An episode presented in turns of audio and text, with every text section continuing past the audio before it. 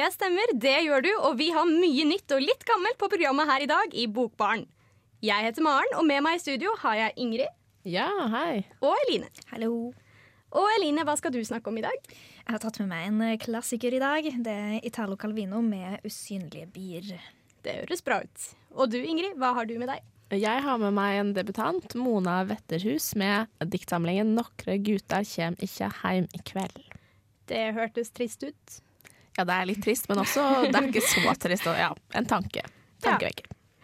I tillegg har vi eh, Vida, eller vi har henne riktignok ikke med oss, men hun har sendt med oss en anmeldelse av 'Hun er der hele tiden', som i likhet med Ingrids diktsamling er skrevet av en debutant, ne nemlig Geir Numedal. Eh, men først så skal vi høre Shaky Graves med 'Calendar Girl'.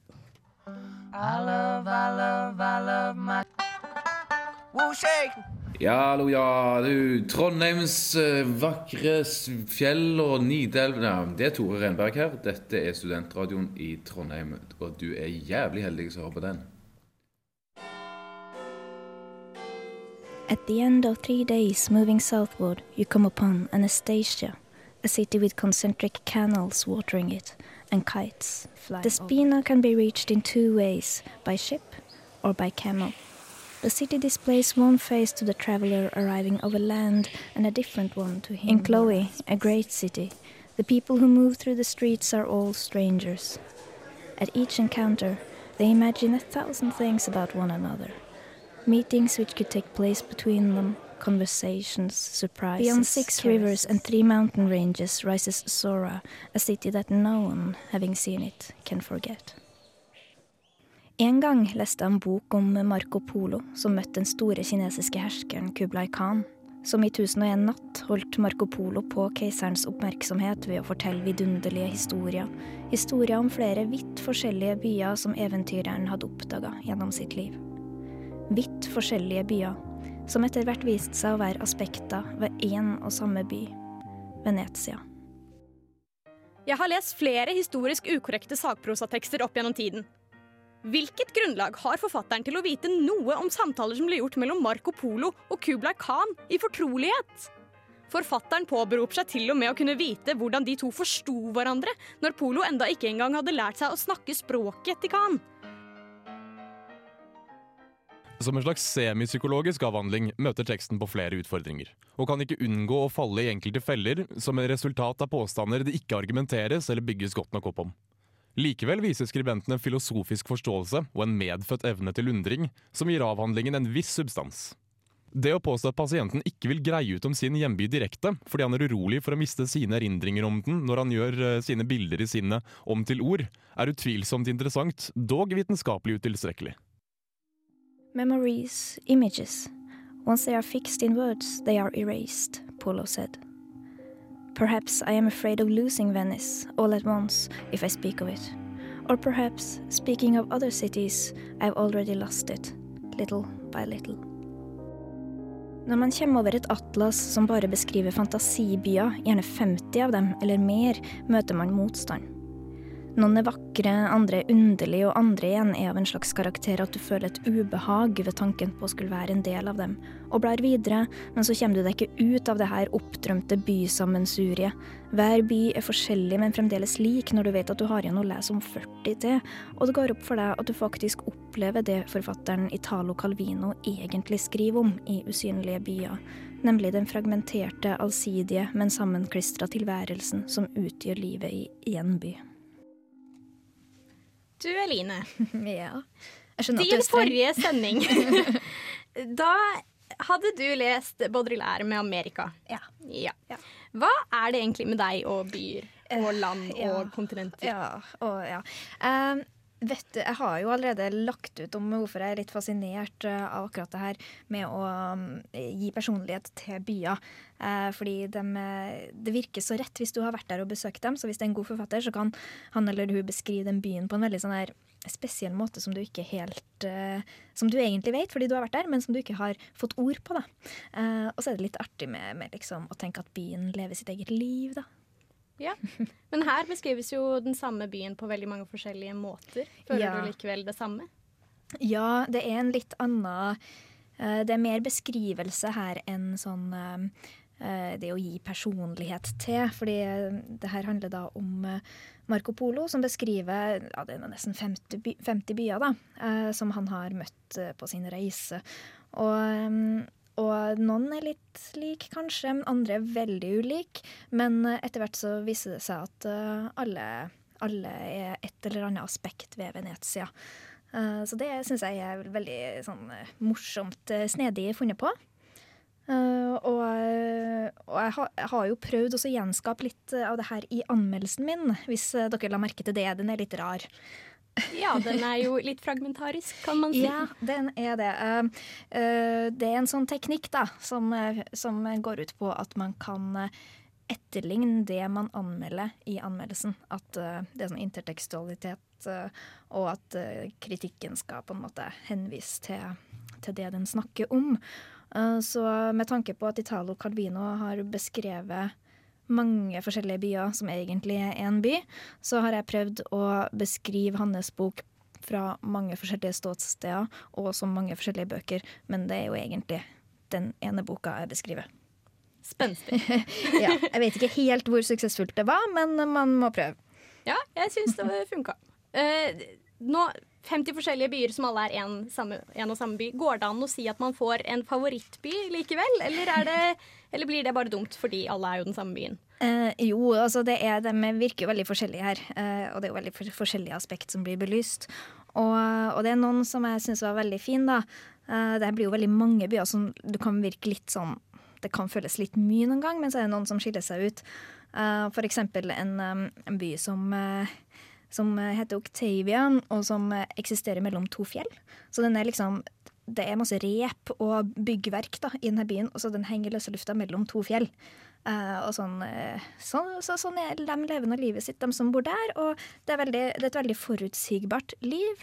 Uh, og de har helt sånn, sin egen verden. Det eneste som, de, som, er på en måte uforutsigbart, da, er at de vet at det her nettet som holder dem opp, det vil bare vare så lenge.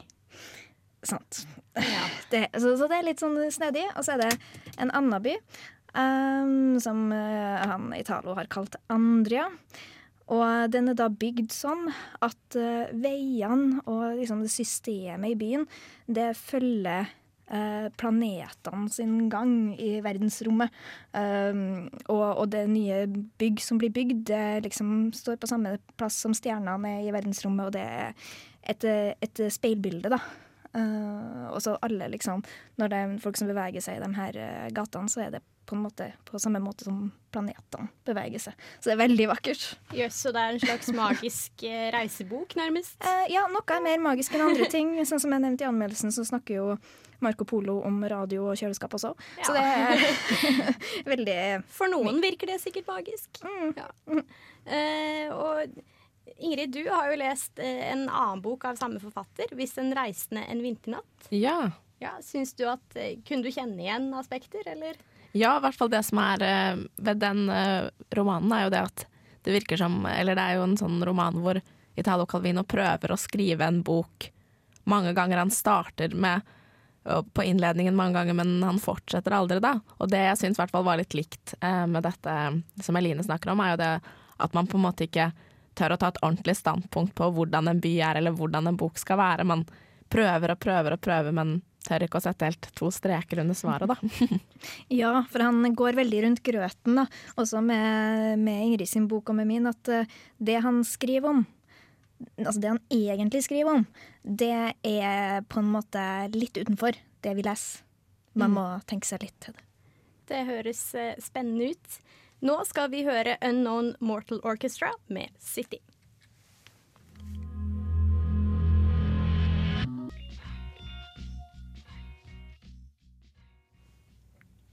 Nå har jeg rota fælt. Låta du nettopp hørte, var naturligvis ikke uh, The City. City-låta skal vi nemlig høre etterpå. Uh, vi hørte derimot Unknown Mortal Orchestra med From the Sun. Yes. Yeah! Uh, og Ingrid, du har laget en anmeldelse. Ja, jeg har anmeldt uh, debutdiktsamlingen til Mona Wetterhus. 'Nokre guta kjem ikkje heim i kveld'.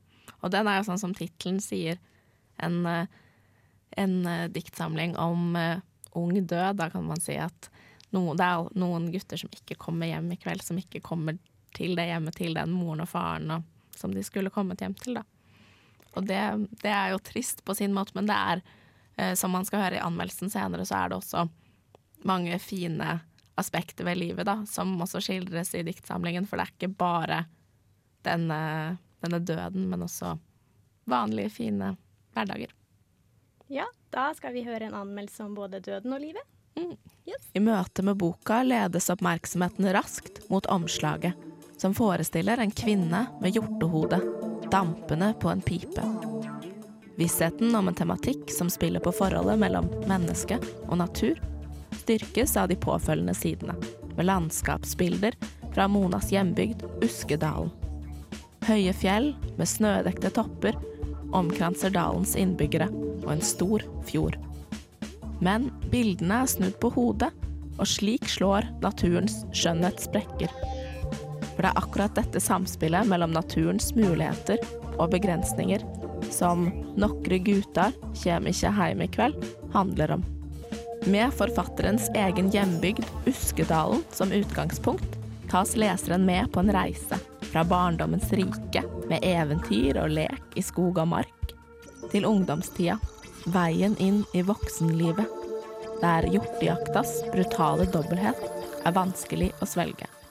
En god venn i skogen er blitt en nydelig stek på bordet. Jeg går i bysola, savner gården, grisen som hang opp etter veggen, og geita mi med avkutta hode. Hva eneste døden er kjent. Jeg klappa både hodet og kroppen. Med naturen som bakteppe følger vi en liten jentes oppvekst. Selv om enkelte av diktene tar et lite sprang fra dette temaet, er Vetterhus debut i stor grad én historie, én oppvekstskildring. Samlingen er et slags skjæringspunkt mellom romanen og poesien. Ingen av diktene har titler, og flere består kun av et fåtall linjer. Det skaper en følelse av å lese jentas dagbok, der viktige opplevelser, minner fra livet, er skrevet ned. Tilstedeværelsen av disse øyeblikkene det sterke bildet av følelsene, luktene og lydene minner oss på at det faktisk er en diktsamling vi leser. 'Nokre gutar kjem ikkje heim i kveld' handler ikke overraskende om unge menneskers altfor tidlige avskjed med livet. Her er det snakk om en bil full av unge gutter som kjører ut i fjorden. Samlingen er delt i tre. Heima, hver gutt, hver dag og ta vare. Der de ulike delene speiler tre trinn av en slik prosess. Heima er et portrett av oppvekst i Uskedalen. Vi får mye kjennskap til hovedkarakterens bror, som hun beundrer. Flere ganger leses setningen 'Jeg har bare én bror'. Og leken i skogen avsluttes med 'Bror er borte'. Selv om dødsulykken i fjorden skildres på et generelt plan, er det tydelig at angsten for å miste sin egen bror øker betraktelig. I en liten bygd, der alle kjenner alle, er tapet av en gutt som må miste hele bygdas sønn. I den tredje og siste delen er prosessen etterpå det viktigste å ta vare på hverandre. Det må bli en slutt på søvnløse netter og forferdelige mareritt, der guttene vandrer opp av fjorden med tang i håret. Fellesskapet rundt sorgen kan omvendes til et fellesskap for fremtiden. Man må begynne å tro på naturen igjen. Kroppen er liten, jeg står på stranda. De høye, blå fjellene speiler seg i vannet, som renner inn og ut av sneglehuset. Med tillit til fjorden spenner ifra. Vetterhus debut er en velskrevet fortelling i en enkel, men poetisk språkdrakt. Istedenfor å bruke mye energi, i hvert fall en god del, på å forstå gåtefulle og krevende språklige virkemidler, får innlevelsen mer tid og spillerom. Alvorets time til tross. Jeg vil til Uskedalen.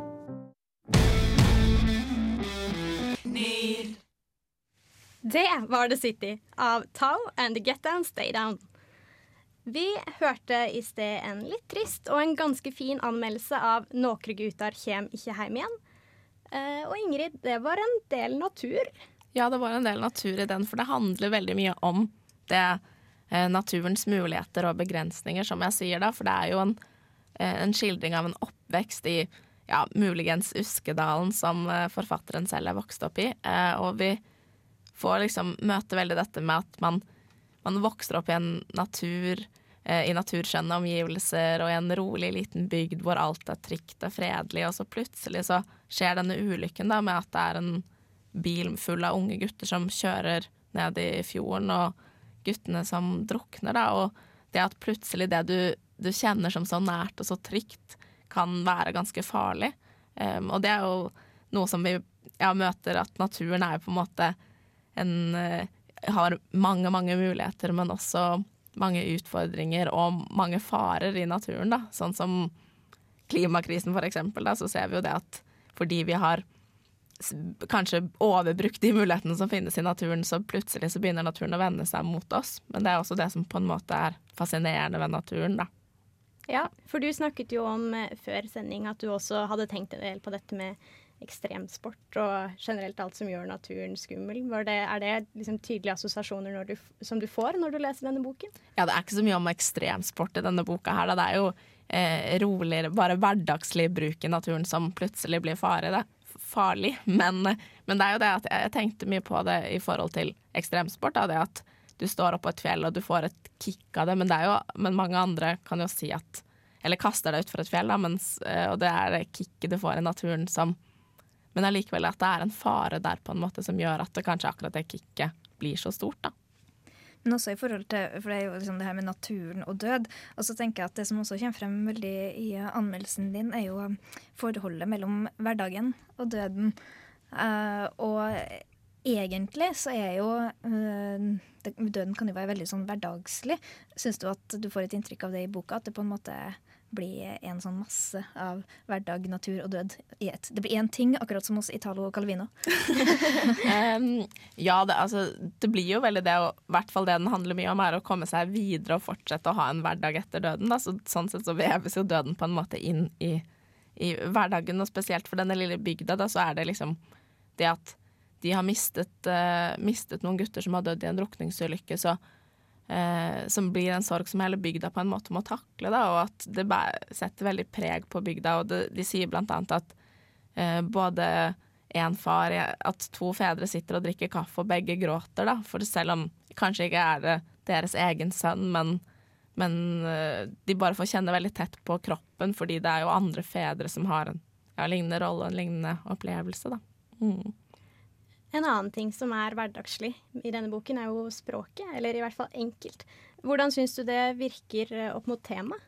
Eh, som På en måte så tenkte jeg at dette er jo en debutsamling, og det er også en oppvekstskildring, og at det på en måte er litt sånn barnslig språk, eller ikke barnslig språk, men barnslig poesi, poesisammenheng, da, på en måte. At det er ganske enkle bilder og ganske rett fram på en måte, og sånn sett så så syns jeg det er en fin start. Eh, noen ganger så kan man jo ønske seg at det kanskje er enda mer spennende bilder og litt mer å gruble over, men, men det, er, det, er, lett forståelig, og vi får på en måte tid til å, til å se det for oss da, og veldig kjenne på hvordan det er i Uskedalen. Og kanskje får vi lyst til å reise dit, selv om, selv om det selvfølgelig er dette triste som har skjedd. Men det er jo det igjen at det, flott natur er jo også er flott og farlig. Mm. Ja, noe med det sublime med naturen er jo nettopp det at den er så farlig, samtidig som den er så fantastisk. Mm. Og med livet også. Døden er på en måte en naturlig del. Ja, ikke sant. Ja. Nå skal jeg begi meg litt ut på sånn farlig farvann her, også, for jeg har jo ikke lest boka. Og det kan hende at det, at det her høres litt sånn rart ut. Men jeg, vil du si at det er en slags sånn, litt sånn um, gammeldags oppfatning i forhold til at det er en jente som er, skriver dagbok, som er kanskje hovedperson? Eller, ja, det, ja. Og så er det bare de her guttene som er ute og er ville og gæli, og som uh, utsetter seg sjøl for fare. Og så er tittelen 'Nokre gutter kommer ikke hjem i kveld'. Hva med nokre mennesker? Mennesker? Menneske? Uh, og, og, liksom er det jenter som er den der domestis, domestiske som er liksom i huset, da, hjemme, og bare er helt trygg, og som skriver ned alt det her, uh, mens guttene er ville og gale. Ja, altså Jeg vet ikke om jeg skal dra den så langt, på en måte, men er, egentlig så kunne det jo kanskje vært noen jenter. Altså det kunne vært på en måte noe annet også, men, men det, er jo, altså, det er jo veldig den bror-søster-forholdet at søsteren skal passe på broren, og det er hun som sier til han at du får ikke lov å kjøre bil lenger fordi det er noen andre gutter som har dødd i en drukningsulykke, og det er liksom ikke Hun kjenner ikke selv på at hun ikke skal kjøre en bil. Det er mer at hun sier til sin bror, så sånn sett så blir det jo litt det der å passe på hjemme Mhm. og For hun er, ikke, hun er ikke redd selv for den store, mektige naturen. Jo, hun er veldig redd selv, men hun er veldig redd. Hun drømmer om Det er det at hun får mye mareritt, og hun drømmer mye om om akkurat denne ulykken som har skjedd, men hun tenker ikke så mye på at det skal skje med henne selv. Da. Det er faktisk veldig sant. Hun tenker bare på dette at tenk om min bror dør, fordi hun tenker at noen gutter har dødd, da kan broren min dø, men jeg selv kan ikke dø fordi hun ikke greier å like hun kan det ikke sånn. se det for seg, for det er jo ingen jenter som har dødd Nei, det er jo ingen jenter som er døde. Og det er også det, boken starter også med å snakke om at mormoren til jenta refererer til at uh, sin egen bror døde på havet. Uh, men det er jo lenge siden, og da var det mer naturlig at det kanskje var gutter som var på havet, men sånn er det jo ikke nå lenger.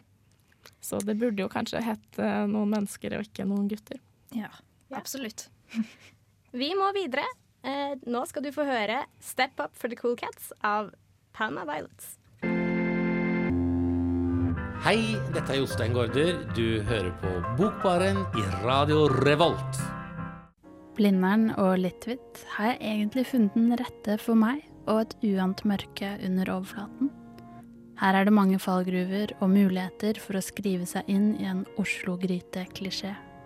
Og dette er en av utfordringene forfatter Geir Numedal står overfor i romanen Hun er der hele tiden. Da de var fremme, la hun seg ned i gresset, lukket øynene og smilte for seg selv. Altså til ham, der han sto og slurpet henne i seg til skallen nesten sprakk. Maren, Maren, Maren. Hun er der hele tiden er delt inn i tre historier som skrives sammen og inn i hverandre gjennom hele boken. Forholdet mellom hovedpersonen Aksel og tre mennesker blir avgjørende. Maren, fotostudenten, som man går inn i med hele hodet, og noen ganger får man følelsen av hele kroppen, er kjæresten hans. Forholdet mellom dem skrives pent frem. Lyse Oslo-netter fylt av Aksel og Maren og vin og reker går over til samboerskap og en mer trasig hverdag. Det er en god beskrivelse av følelser som blekner og forandrer form. Han slår høyre albue i fallet. Først ser det ut som sjåføren av den blinkende bilen skal kaste seg over ham, men han besinner seg og går bort til de andre, setter seg på huk ved jenta igjen. Hva skjedde? De harde øynene til et fremmed menneske, et øyeblikk så nær. Aksels måte å strekke seg ut til andre mennesker på kommer noen ganger til kort i forholdet til kjæresten Maren. Men han får mulighet til å gå inn i en slags relasjon til en annen person. Han ser en jente bli påkjørt, og han får lov til å bruke opp en del tekst på å lure på hvordan han skal nærme seg både hendelsen og selve jenta. Fortellingen følger Aksel gjennom hele boken og gir ham et par ekstra valgmuligheter, som gjør fortellingen litt mindre forutsigbar. Slik hadde han fått det fortalt. De hadde sittet oppe til langt på natt og spilt sjakk. Kameraten hadde funnet Fredrik da han sto opp. Man kunne bare forestille seg det han hadde fått se. Selvmordet til medstudenten og vennen Fredrik er vanskelig å forstå for Aksel, men også for leseren. Aksel lurer på hvorfor og hvordan, om de egentlig var venner, og på hvordan han skal forholde seg til den etterlatte familien. Men å rettferdiggjøre og skrive om og skrive godt om noe som er fryktelig vanskelig å forstå for de fleste som opplever det, er ikke en lett sak. I Hun er der hele tiden blir dette enda vanskeligere fordi forfatteren må skrive gjennom et par unge og ennå ganske umodne øyne. Det kunne jo selvfølgelig ha gitt et bilde på en ungdoms opplevelse av selvmord, men teksten som handler om vennen Fredrik, er anstrengende ikke mest for Aksel, men for leseren. Hva gjelder unnskyldninger for å skrive inn overflatiske diskusjoner og referanser til litteratur, passer studieretningen til Aksel perfekt.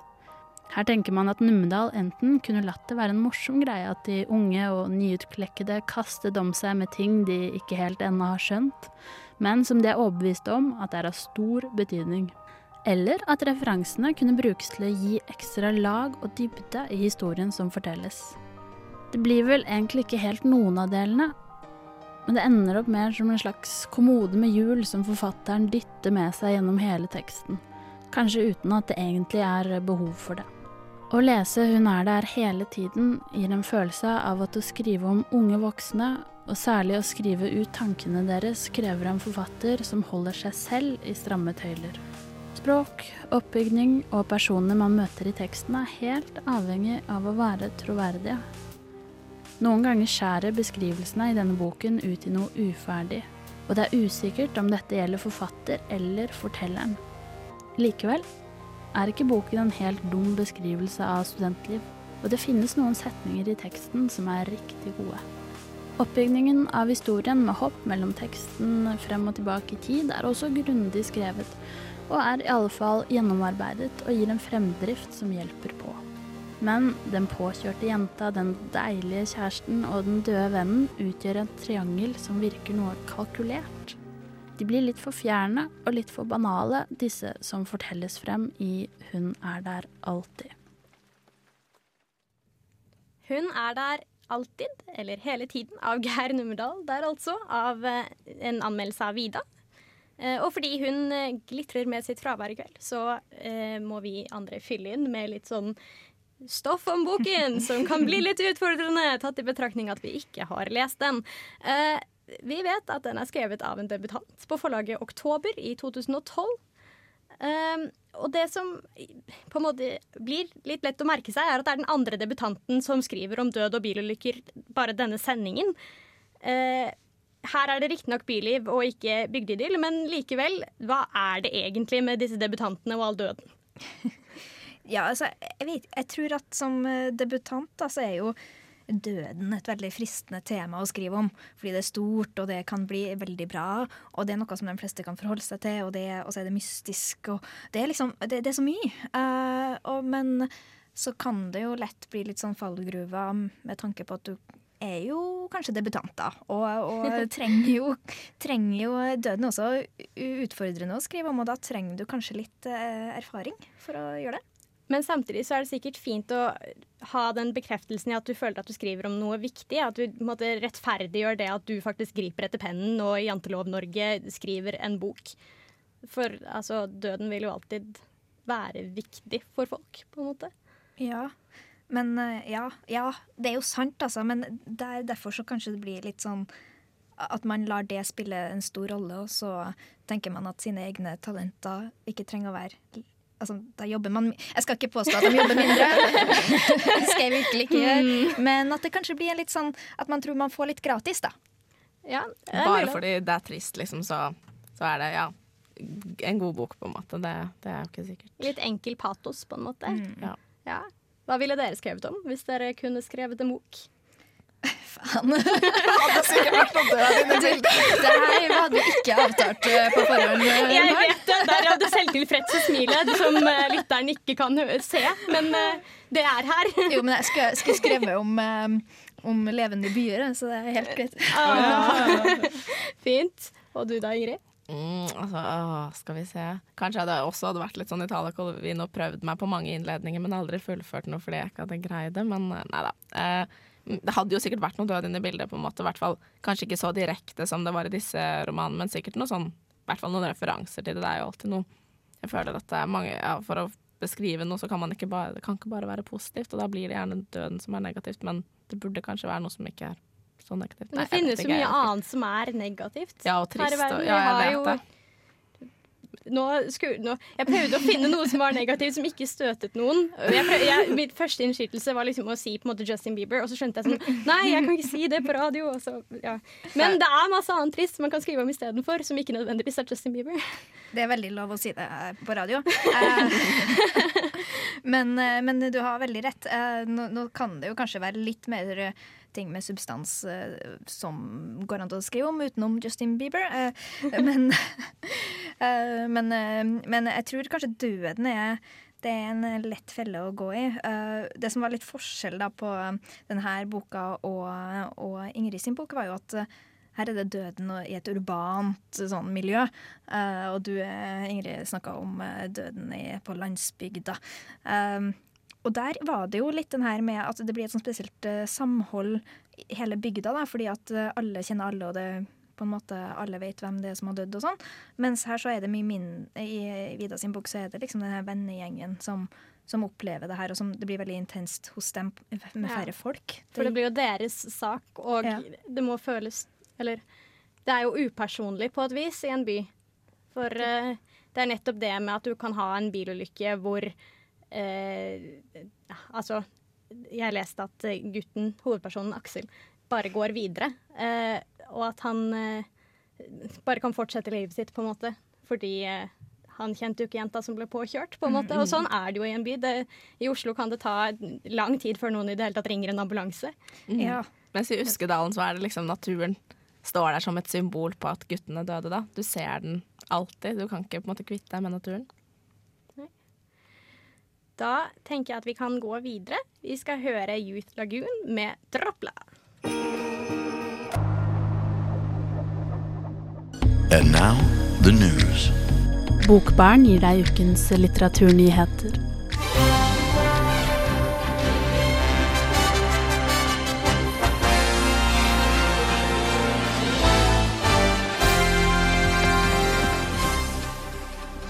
The news. Det var på tide vi fikk til å bruke den jingelen igjen. Det er jo da Vida som har lagd en også veldig fin eh, jingle.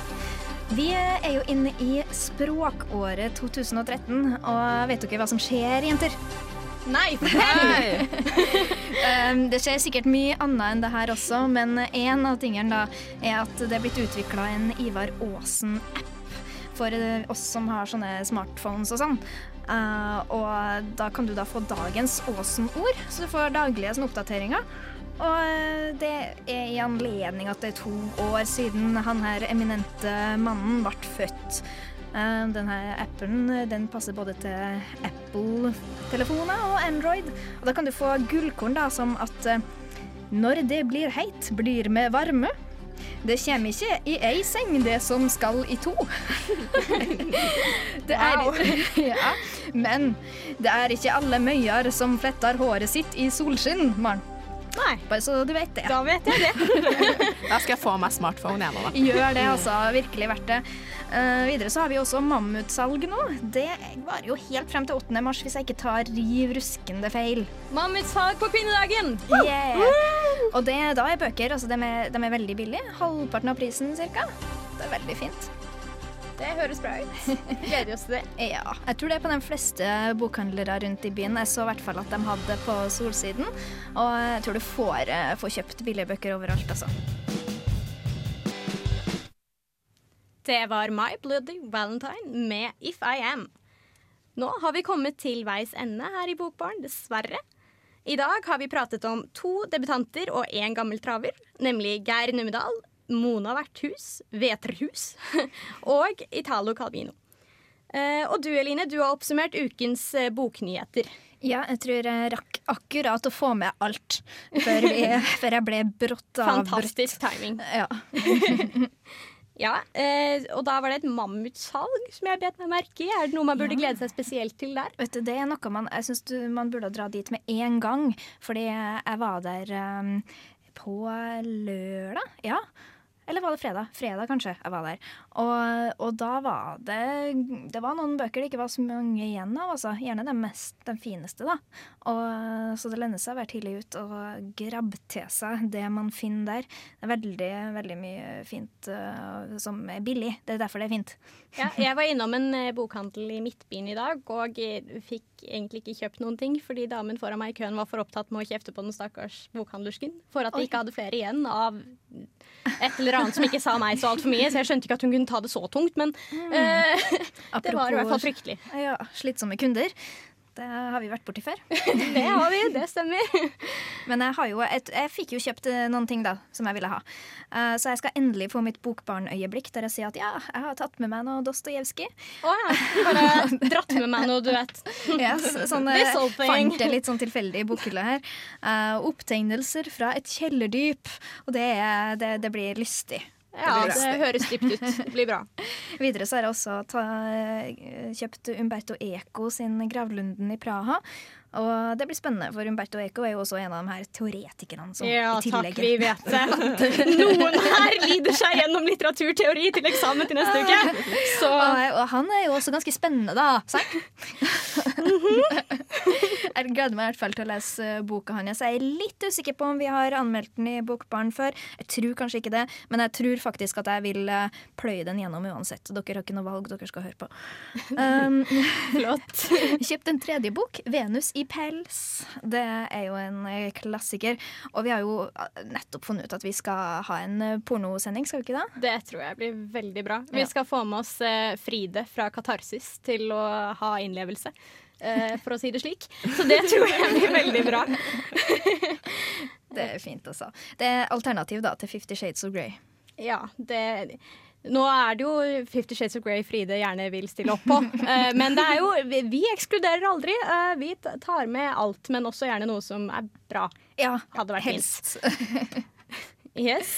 Videre så En liten ting som jeg ikke fikk sagt, da som er bare sånn bigreie, det er jo at Harry Potter har kommet ut med nytt cover. Wow, er det fint? uh, ja, det ligner egentlig litt på den forrige. Ja, det er Flott. Samme stil. Har noen sett de tyske omslagene? Nei, hvordan er de? Det er noe av det styggeste jeg har sett i hele mitt liv. Oi, Faktisk, Nei, det ikke er ikke fint, men, men ganske hyggelig. Du blir vant til det. Ok. Ja, absolutt. Eh, Men da er det altså bare å komme seg ut og shoppe på mammutsalg frem til kvinnedagen på 8. mars. Yes. Yes. Jeg tenker nå å runde av. I studio i dag har du hørt Ingrid Kveim Skarholt og Eline Bjerkan. Jeg heter Maren Elise Skolem, og teknikeren vår har vært den fortryllende Hildegunn Kristiansen. Følg oss gjerne på Twitter, eller lik oss på Facebook, eller se oss på radiorevolt.no, eller generelt følg med på internett. Der finner dere jo masse sendinger og stream on demand og det som er. stemmer, vi er veldig high-tech. Nå hører dere Angelicus Elegy med Rapid Changes.